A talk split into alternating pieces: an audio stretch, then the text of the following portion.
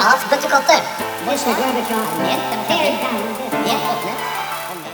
Hei og velkommen til ny episode av Statsbøttekottet med meg, Martin, og Maria.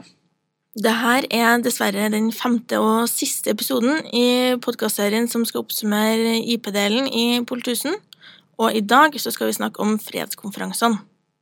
Vi har selvfølgelig med oss Knutsen som vanlig. Velkommen. Jo, takk skal du ha. Temaet i dag er som nevnt eh, fredskonferansene, og vi skal prøve å dekke Augsburg, Vestfalen, Utrecht og Versailles. Vi tenkte å starte med Augsburg. Hva var hovedpunktene av eh, fredstraktaten i Augsburg, og hvilken rolle har den spilt i internasjonal politikk? Ja, det er et stort spørsmål. Det er, det er eh, Konferansen i Augsburg, det var vel i 1555. Eh, den avslutter denne veldig lange italienske krigen. Ja.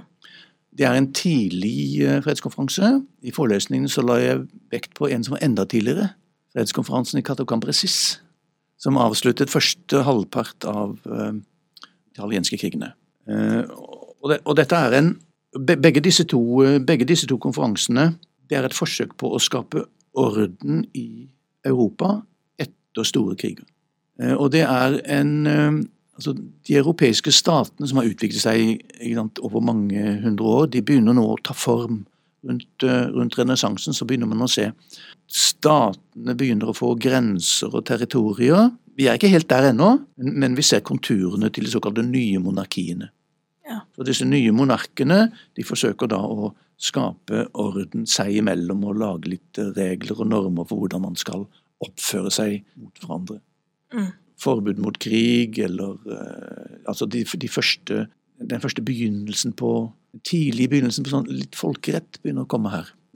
Men det er i grunnen ikke noen en, en fred som Forhandlingene er forhandlinger mellom dynastiske hus, og disse dynastene de er opptatt av sine egne dynastiske interesser. Så det er ikke stater ennå som handler med hverandre. Det er ikke noe diplomati som vi vil gjenkjenne, men vi ser begynnelsen her. Storfamilier som uh, Ja, det er storfamilier. forhandler seg imellom, ja. Ja, og det er eh, når man skal når man skal lage en allianse eller lage en fred mellom f.eks. Frankrike og Spania, ja, da er det alltid snakk om litt giftermål. Da er det en, en prins som skal gifte seg med en prinsesse for å konsolidere denne alliansen eller den, denne avtalen. Det er alltid noen familieting med i bildet. Og så er det ofte sånn at den som har vunnet en krig, den får land fra den som har tapt. Ja. Så det å overføre territorium som en slags hva skal vi si, formell eh, krigsbytte, Ja, ikke sant? det er del av disse tidlige eh, fredskonferansene. Dette var vel også på tiden med Medici-familien, var det ikke det òg? I Firenze. Jo, det, er- det er denne tida. Mm. Det er, eh, vi snakker om, eh, om internasjonal politikk i renessansen. Mm. Og det er ikke interstatlig ennå. Det er ikke det, men vi ser mekanismene. Vi ser noen av mekanismene. Vi ser maktbalansen. Mm. Vi ser veldig klart denne, denne tanken om at det som foregår på et, rundt et forhandlingsbord, det er en avspeiling av den militære styrken som partene har. Det er et bestandig prinsipp i internasjonal politikk. Hvem har mest? Hvem har mest? Eh, Og så er det er en del eh, det, det, som, eh, det som er viktig med freden i Augsburg, det er at da får, der får vi denne første tanken om at kongene, som, som er dynaster, ikke sant, de er herrer over alle som bor på territoriet. Dynastene eier alt innenfor territoriet, også innbyggerne. Og disse innbyggerne, de må ta den religionen som kongen bestemmer. Det begynner å komme som et prinsipp under Augsburg. Så er det mange som sier at det kommer med 30-årskrigen. da. Ja, det gjør det, det er riktig, men det begynner med Augsburg. Så, så da, får vi, da begynner vi å få en, en deling av Europa mellom jeg vil ikke si protestanter og katolikker, for, du har- for reformasjonen har ikke kommet så langt ennå. Men dette prinsippet om at kongen bestemmer troen, det er Augsburg. Og så ble det understreket i uh, Vestfalen-freden Ja. noen år etterpå. Det er jo en veldig fin overføring til neste spørsmål, fordi neste traktat vi skal snakke om, er jo Vestfalen. Ja. Uh, Og den markerte jo avsluttelsen på nettopp 30-årskrigen, som du har nevnt litt nå. ja. Eh, Og da kom vi litt inn i samme spørsmål som tidligere, og det er jo da hvorfor spiller dette en så stor rolle i internasjonal politikk? Hvorfor er nettopp Vestfalen så, så stor da, som, som den er? Jo, for nå, nå er vi i en situasjon hvor det dynastiske prinsippet blir tonet ganske ned. Eh, Og nå har vi et, eh, et internasjonalt system hvor de nye monarkene hersker over en stat og over innbyggere og over et territorium, og disse er beskyttet av grenser. Så vi begynner å se begynnelsen på den moderne staten. Og Vestfallen-freden eh, formaliserer en del eh, normer og regler for hvordan stater er og hvordan stater skal eh, forholde seg til hverandre. For eksempel, nå blir det fastslått at det er kongen som bestemmer religionen. Det vil si, det var fastslått tidligere, men nå blir dette akseptert av alle som er med i, den, i disse fredskonferansene i Ja. Vestfallen. Mm. Eh, Og staten det er eh, et, begynner å bli et maktmonopol. Man begynner å få definisjonen av suverenitet. Mm. Så, så nå begynner det å komme begreper inn i diplomatiet som, som alle bruker, og de mener det samme med det. Så her begynner vi å se begynnelsen på eh, folkeretten. Og så får man forestillinger som eh, naturtilstanden. Ja, Den kommer inn. Ja. Det er inn et viktig poeng som vi ikke har snakka om i denne podkastserien her. Ja, Mm. Denne naturtilstanden det er noe som Grotius begynner å oppfinne, og, og Hobbes begynner å utvikle dette voldsomt. I nettopp eh, Leviathan. I nettopp i Leviathan. Ja, ikke sant? Og, og, og denne naturtilstanden den er forferdelig, det er bare krig og elendighet, og alles krig mot alle, ikke sant? så den må temmes. Mm. Og da begynner vi å få de første teoriene om statsdannelsen. Og da er det menneskenes rasjonalitet som lager disse lovene. Altså menneskene setter seg ned, og så tenker de hvordan skal vi bli kvitt denne naturtilstanden? Og så tenker de ja, men altså vi er jo Vi har jo rettigheter, altså vi har rett til alt. Men vi må oppgi disse rettighetene. Vi må investere dem i en eller annen overhøy instans. Ja. Og da oppgir man sin egen frihet, men så får man orden igjen. Og Hobbes er veldig viktig, for han kommer med en hel del Han er en sær type. Han kommer med, med en hel del spekulasjoner som er eh, ganske viktige. En av dem er at full frihet, det er forferdelig. Full frihet er kaos. Man kan ikke maksimere frihet. Da blir det bare kaos. Sant? Mm. Li, li, eh, liberale li, li, libertarianerne liker ikke det. For de skal jo ha full frihet. ja, ikke sant? Nei, det vil være kaos. Så full frihet er lik naturtilstand. Ja, det er naturtilstanden. Ja. Og den, den, det som Hobbes beskrev som naturtilstanden, når det går en 100-200 år, så begynner jurister å snakke om dette som anarkiet. Altså, Det er samme fenomen, ja, det er det. men så får det en, ana- en annen analytisk eh, skal jeg si, eh, tilnærming og en, en mer analytisk dybde med disse folkerettsteoretikerne på 1870-tallet. I forrige episode når vi snakket om eh, anarkiet, så er det en videreføring av dette begrepet naturtilstanden. Da. Ja, jeg tror det. Jeg tror det er samme logikk. Ja. Mm. Jeg tror det er samme logikk, Også, Men da lager man nye begrep. Mm. Nye begrep og ny Nye begrep, men jeg begrepshistorie, tror det- men det bygger på samme prinsippet. Stort sett den samme observasjonen. Mm. Ja. Og så, eh, så begynner man i, eh, i 30-årskrigen så begynner man også å forstå at maktbalansen er et regulerende prinsipp. ja. Det er der man kommer inn med den mer moderne tanken. Ja, nå begynner det å modnes. Nå begynner vi å Altså når vi kommer i, til Vestfallen, det er kanskje det som er den store endringen i disse Det er kanskje den viktigste av fredskonferansene. For da skjer det en virkelig stor endring. Da ser man Ja. definisjonen av de moderne statene. For Henry Kissinger så er dette den store fredskonferansen. Som eh, definerte internasjonal politikk. da, Definerte grunnreglene. Blant annet dette at stater er suverene. Fordi at stater er suverene, så er det ingen annen stat som kan komme og intervenere. Og det ligger i denne tanken om at eh, enhver konge skal bestemme religionen til sine innbyggere. Og Ja. ingen annen stat skal komme med noen alternative regioner, religioner. Det er, eh, det er forbudt. Respektere staters indre anliggende. Ja, respektere staters indre anliggende. Og det er selve grunnlaget i folkeretten. Ja. Fremdeles. Man skal ha suvereniteten til å ta sine egne beslutninger. Ekstern suverenitet kan vi kanskje si kommer inn her. Ja, og så er det den eh, spanske arvefølgerkrigen som endte med signeringa av traktaten i eh, Utrecht. Og hvorfor er nettopp denne traktaten så viktig, og hva markerte den? Ja, jeg eh, snakker en del om eh, Utrecht, fordi jeg tror at analytisk sett så er den veldig viktig, fordi at da introduseres enda et nytt begrep, og det har vi fremdeles, og det er tanken om det internasjonale systemet. Mm. Altså, i eh, Vestfalen så snakket man om maktbalanse, ikke sant? Men da var det stort sett maktbalanse som en slags et utenrikspolitisk fenomen. I den forstand at når noen vokser, hvis en stat vokser veldig eh, i kapabilitet og makt, så må man danne en allianse mot denne staten for å demme opp. For demme opp for denne staten. Så maktbalanse var en slags oppdemmingspolitikk. Mens eh, Utrecht kommer med en ny tanke som sier at det internasjonale systemet i Europa er et likevektsystem.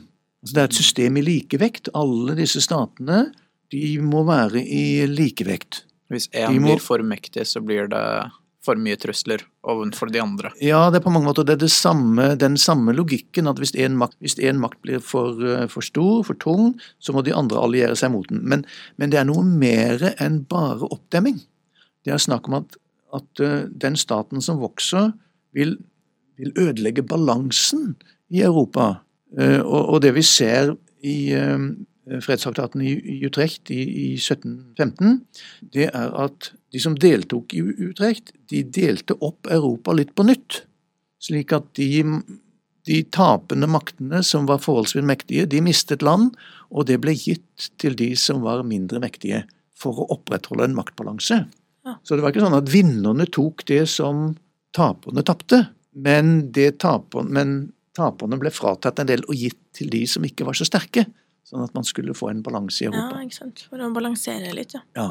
Ja. Og jeg tenker at det, det, er, det er en tanke som kommer med Isaac Newton, som lager denne, denne prinsippet any matematika. action, any Ikke sant? action will have an equal and opposite Ja, reaction. den, den, denne, eh, denne beskrivelsen av universet som i likevekt. At universet er i likevekt.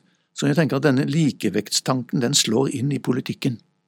Ja. Og, og, og, og Europa ses på som et slags politisk univers som også må holdes i likevekt. Det er påfallende at eh, jeg tror prinsippet om matematika kom i eh, 1693. Så i 1715 så slår disse tankene gjennom i Nederland og England. Så sprer det seg til andre. Frankrike så, de blir ikke med på denne likevektstanken på et hundre år eller to. Og Tyskland er aldri med på den. Men England ser på Europa som likevel. Fordi at England sitter utenfor Europa, ikke sant? Mm. England sitter utenfor og betrakter Europa som et eget lukket system. Ja, ikke sant. Og fordi at England er veldig mektig, så kan de sitte og manipulere litt. Mm. Så de, England, veldig nødig så driver de og intervenerer i Europa militært. Men de intervenerer økonomisk i den forstand at de betaler leiesoldater til å styrke småstater i Tyskland. Mm. Demme opp for Spania og Frankrike. og England som kommer med den likevektstanken. Og den har vi tatt inn over seg, at, at internasjonal politikk er et likevektssystem. Sånn tenker vi fremdeles. At det er når det da kommer, som eksempel med Russlands invasjon nå, så blir det den Balansen blir brutt i, Ja, når man da ja, får noe ja. nytt inn. Og, eh, og det, det vi ser, eller det vi har sett de siste hva skal vi si, 20 årene, det er at, det, at europakartet har endret seg. Mm. At, at kapabiliteten, eller makten til de forskjellige landene, de, den har endret seg. At de europeiske landene de har litt problemer. For ikke å snakke om eh, USA har problemer. Det er Kina som vokser voldsomt, og Kina ekspanderer. Hva skal vi gjøre med Kina? Mm. Vi må jo demme opp på et eller annet vis. Kan vi få Kina med til å en slags, Vi må snakke til Xi og spørre om han kan bli med på en slags likevektstanke. Mm. Mm. Men Kina er for stor, altså. De bare i innbyggertall så er de jo utkonkurrerer de de fleste. Ja, de gjør det. alle. Men så har vi dette problemet at Kina vokste seg veldig stort. Fordi at en 20-30 års tid så hadde de en ettbarnspolitikk. Så Kina mangler en generasjon. Mm. Sånn at eh, plutselig så vil Kina få et eh, kjempeproblem med arbeidskraft. Ja. Mm. Og vi får et kjempeproblem med hvem er det som skal forsørge de gamle. og skal pensjonene komme? Mm. Så jeg tenker at denne ettbarnspolitikken har vært en driver for økonomisk utvikling. Men kostnaden vil komme. Komme tilbake Mm. igjen. Og da tenker jeg da er det India som tar over. Ja. India vokser Mm. eh, demografisk jevnt ja, og trygt. og har ikke den manglende generasjonen. Tanken er at India vil kunne da endre ja, maktbalansen. Endre maktbalansen. Mm. Endre verdensordenen litt. Ja. Mm. ja. Da er det over til siste, da. Eh, og det er jo Da har vi da valgt ut at Versailles var den vi hadde lyst til å fokusere på som neste. Den kommer jo da um, etter første ja, vi har verdenskrig. Wien. Vi har Wien. Vi har Wien. Wien Wienerkongressen. Ja, skal vi bare hoppe på han eh, først. Ja, absolutt. hopper litt på Wienerkongressen. Altså, Poenget med å presentere disse, eh, disse fredskonferansene, det er at hver konferanse introduserer et nytt begrep eller en ny idé. Mm. Og jeg har lagt vekt på de ideene som vi fremdeles har med oss. Eh, Så balanse, det ser vi allerede i de italienske krigene. eh, Allianse og balanse ser vi allerede der. Og så får vi, en, så får vi begrepet om naturtilstand og, og naturrett i forbindelse med 30-årskrigen. Og så får vi den systemiske balansen i, eh, i, i Utrecht. Og napoleonskrigene, altså, eller Wienerkongressen, så får vi denne tanken om at denne balansen det er ikke noe som vi skal overlate til tilfeldighetene, men stormaktenes Stormaktene kan selv justere den hele tiden. Stormaktene må møtes regelmessig i en konsert, den europeiske konsert. Stat, statene, eller representanter for statene møtes regelmessig, og så snakker de litt om hvordan det går, og litt om konflikter, og ja, hvor er dine kapabiliteter, og hva er mine kapabiliteter, og så justerer man Ja. eh, balansen. Det var i hvert fall tanken.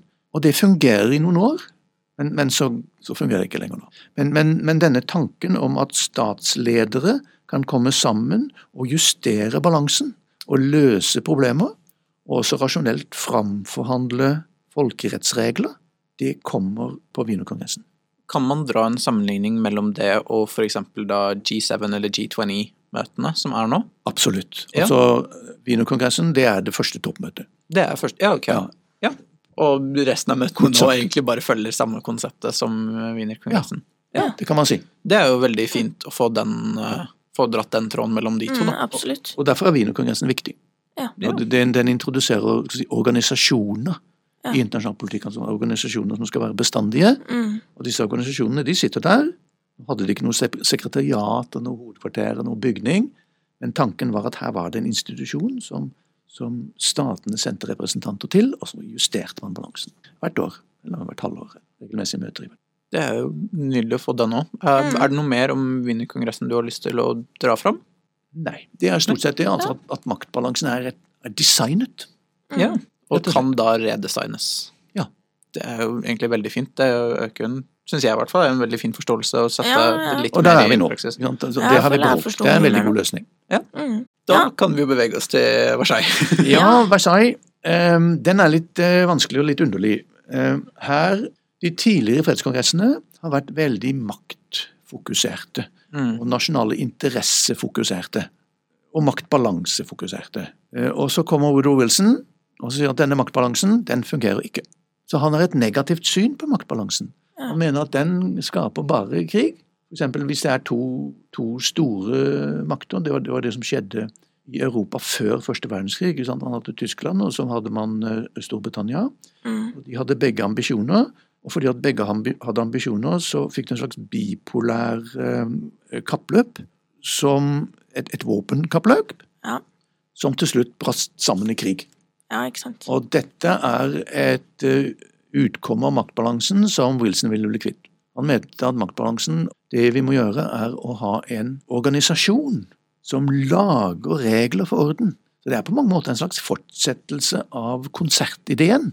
Sant? Det er bare at den skal være permanent. Alle verdens stater skal være medlem av Folkeforbundet. Og så skal man sitte der permanent, og så skal man ha et, eh, en generalforsamling, og så skal man ha et råd, og så skal man ha en sekretær, alt dette skal være ordentlig og permanent. Og dette skal danne en kollektiv sikkerhetsorganisasjon. Mm. Og det ligner jo mye på det FN som vi kjenner i dag. Det er nesten det samme som FN. Ja. Det er nesten det samme som FN. Noen små endringer fra League of Nations til FN. Ja. Ja, ja. Det er ikke så store endringer. Rebranding er vel Ja, det er egentlig rebranding. hoved... Ja. Det de gjorde. Og USA som tok større rolle, da. ja, USA har tatt den store rollen. Ja. Det er- Det er den store forskjellen, tenker jeg. At du har det, det som hegemonet tok faktisk storrollen. Og så har vi det at eh, FN har mange, mange flere medlemmer. Altså, mm. Da koloniveldene, koloniveldene brøt opp, så fikk vi plutselig en tredobling av antallet stater i verden. 197 medlemmer er det vel på, eller noe sånt, tror Jeg jeg. tror det er det. Ja. Ja. Hvor mange var det i Folkeforbundet? De var ikke så mange. 15-20 stykker, tror jeg. Ja, det var jo ikke stort mer enn det. Det var vel egentlig bare stormaktene Ja. som, um, som var involvert i krigen. Og så gikk de ut og inn litt, disse maktene. da. Ja, og hoppet litt fram og tilbake. Ja. Men det er en, eh, i design så er Folkeforbundet og eh, FN veldig like. Mm. Og, men det er et alternativ til maktbalansen. Altså det, er en, det er en kollektiv sikkerhetstanke som ligger bak, og den er vanskelig å få tak i. Det er en gammel tanke, og tanken er det at uh, krig har en aggressor, og når en aggressor går til angrep på et land, som f.eks. Russland har gått til angrep på Ukraina, da må alle andre land alliere seg, og alliere seg med det landet som er angrepet. Ja. Og så må alle straffe aggressoren. Mm. Det er ideen. Og det er en fin idé, men det fungerer aldri i praksis. For det første fordi at kriger Altså, Russlands invasjon av Ukraina er atypisk. Og det er veldig klart hvem som invaderte. Men russerne sier jo at dette var bare selvforsvar. Ja, ikke sant? Så enhver krig er det, det er veldig vanskelig å finne ut hvem aggressoren er. Ja. Det er alt, minst to sider av saken. Det er alltid en opptrapping her. Mm. Krig i seg selv har jo nærmest et Janus ansikt. Så, så det er veldig vanskelig å finne ut hvem man skal alliere seg mot. Mm. Mm. Ikke sant? Ja. Så da danner det seg stort sett eh, allianser. Noen holder med den ene, og noen holder med den andre. Mm. Eh, for det er aldri så klart hvem som, hvem, som er, eh, hvem som er aggressoren. Og selv om det er klart hvem som er aggressoren, så har vi dette vanskelige prinsippet med gjensidig avhengighet. At aggressoren har handelsforbindelser med Storbritannia eller Tyskland eller andre stater. Og, og, og disse andre statene nøler veldig med å gå til krig mot en stat som de er avhengig av. Så, Mm. så det er to gode årsaker til at uh, kollektiv sikkerhet, veldig god idé, Mm. fungerer ikke i praksis. Så har man jo også et nytt prinsipp som ble introdusert etter 45. Det var jo MAD-prinsippet, eller Mutually Assured Destruction. Ja, ja, vi snakker, Som ja. også da er jo I hvert fall kan være, vil jeg, jeg vil tro at det er, eh, en ganske virkende faktor på at man ikke går til eh, angrep mot da spesielt Russland, USA, Storbritannia. ja. Nei, det er helt riktig. Altså Når vi kommer opp eh, til 1945, 46, 47, da er vi i en helt ny verden. Mm. For da er vi i en verden hvor stormakten har atomvåpen. Mm. Og da blir maktbalansen annerledes. Da blir det en sånn akademisk terrorbalanse. Mm. hvor atomvåpnene brukes som trusler. Når de første brukes militært, da er all bets off. Mm. Og Da har de utspilt sin rolle. Ja. Men det å ha dem som ris bak speilet er nyttig. Å ha dem som diplomatiske trusler det er Mm. nyttig. Det å vite at den du snakker med, sitter med makten til å jevne landet med jorda, Ja, er en ganske effektiv eh, argumentasjonsstrategi. Der er vi nå. Ja. Når Putin presses opp i et hjørne, så rasler han litt med atomvåpnene sine. Mm. Uff, sier han. Men han sier ikke at han skal Han tror ikke. Nei, han bare har en atomøvelse. Han kritiserer vestmaktene for å rasle med atomvåpnene. ja. Ikke sant? Ved å gjøre det, så Og ved å gjøre det, så gjør han alle oppmerksom på atomvåpen. mm. Det er en ganske god strategi, da. Ja. Det er ingen som kan ta ham på øh, atomtrusler. Nei. Eh, Men alle traktatene opp til Versailles, for å dra litt tilbake til den, da, for nå havnet vi jo plutselig litt uh, utenfor, uh, har jo da introdusert et nytt type begrep, som du sa. Hva var det Versailles-traktaten tok med seg? Kollektiv sikkerhet. Kollektiv sikkerhet. Ja. Og, og med den så kommer den liberale tilnærmingen til internasjonal politikk inn i teorien Mm. i, i full fart. Ja. Eh, For når internasjonal politikk blir etablert som en akademisk disiplin, så er det under og like etter første verdenskrig. Og disiplinen er veldig betatt av Wilsons kollektiv sikkerhetstanke. Ja. Ja. Og så viser det seg det at folkeforbund og kollektiv sikkerhet det fungerer ikke i grunnen like godt som man hadde tenkt. Og da kommer realismen tilbake på 1930-tallet. Ja. Og da skapes disse begrepene som vi har i dag. Realistene kaller seg selv realistiske, og så kaller de liberalerne for utopistiske eller idealistiske. Ja. Mm. Så da sitter Og dette vokabularet, eh, det satt vi fast i. Ja. Ja. I dag så snakker vi mer om de liberale tilnærmingene igjen. ja, ikke sant. Og så har jo Versailles blitt eh, beskrevet som en hevnstraktat også, i tidligere, eller i senere år, da. Ja, det er riktig. Um, for det var vel en av de første traktatene som ordentlig var ute etter å straffe noen hardt for uh, utbruddet av krigen. Fordi traktatene vi har snakket om så langt, de har jo basert mer på at de, de tar noe, Ja. men de ødelegger ikke. Det som, altså, når de skal da straffe en nasjon, så det er riktig. er det ikke meningen å ødelegge nasjonen, det er meningen å straffe nasjonen. Det er Mens riktig. med Og- Versailles så var det jo mer en ødeleggelsestanke, var det ikke det? Jo, og der er, eh, der er kontrasten til Wienerkongressen veldig skarp og klar. Mm. Eh, Fordi at på Wienerkongressen så var det jo eh, altså det var jo de fire store eh, hva skal si, vinnermaktene som, som dominerte, eller som laget den europeiske konserten. Men de innbød Frankrike, altså den tidligere aggressoren, innbød Frankrike veldig tidlig til å bli med. De, altså de anerkjente Frankrike som en stormakt i Europa, og forsto at de kunne ikke ha en stabil orden uten Frankrike. Så de, de, snakket, de snakket strengt til Frankrike og sa ikke gjør dette igjen, men de fikk lov til å være med. Og det er en veldig stor kontrast til uh, Versailles-traktaten, hvor Tyskland ble sett på som aggressoren og måtte betale en forferdelig erstatningssum Mm. som uh, seierherrene, og, og da snakker vi særlig om Frankrike, forsto at dette kunne Tyskland i grunnen aldri betale. Så de ville gjøre Tyskland fattig. Og inkludert det så har du blant annet Sudetenland, som ble nærmest okkupert av Frankrike. Overført til Frankrike. Ja. Og Ruhr-området, altså dette hvor du har malmene og du har ståleksporten, slik at Tyskland ikke skulle ha sitt, være selvforsynt med stål til å lage Mm. eh, eh, våpensystemer. Så alt dette ble tatt fra Tyskland, og, og Tyskland ble holdt nede. Ganske bevisst av Frankrike. Begrensninger på militæret, begrensninger på Ja. økonomi. Ja. Alt sammen sånn ble jo Tyskland robba for.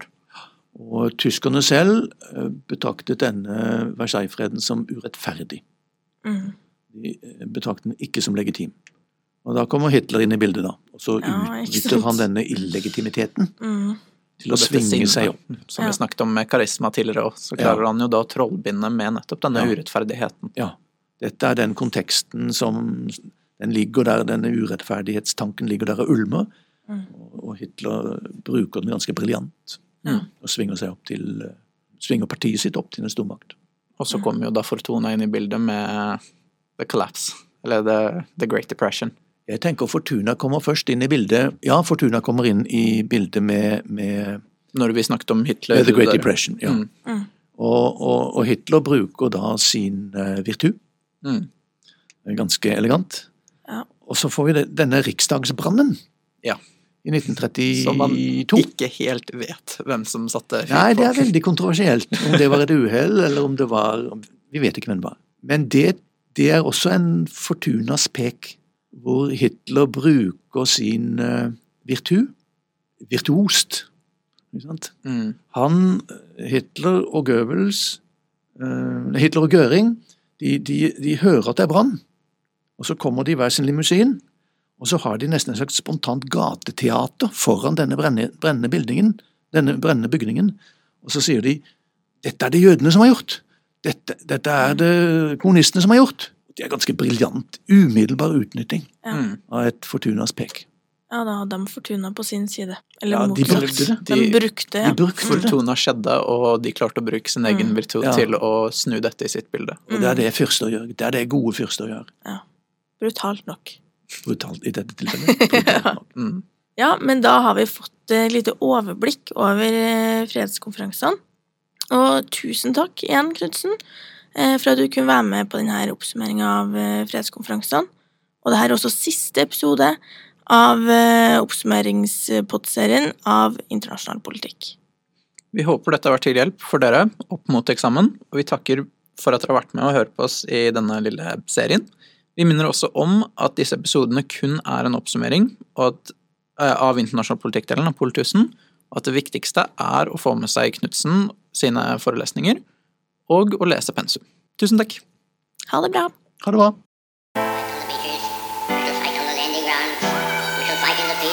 Stas beaches. We shall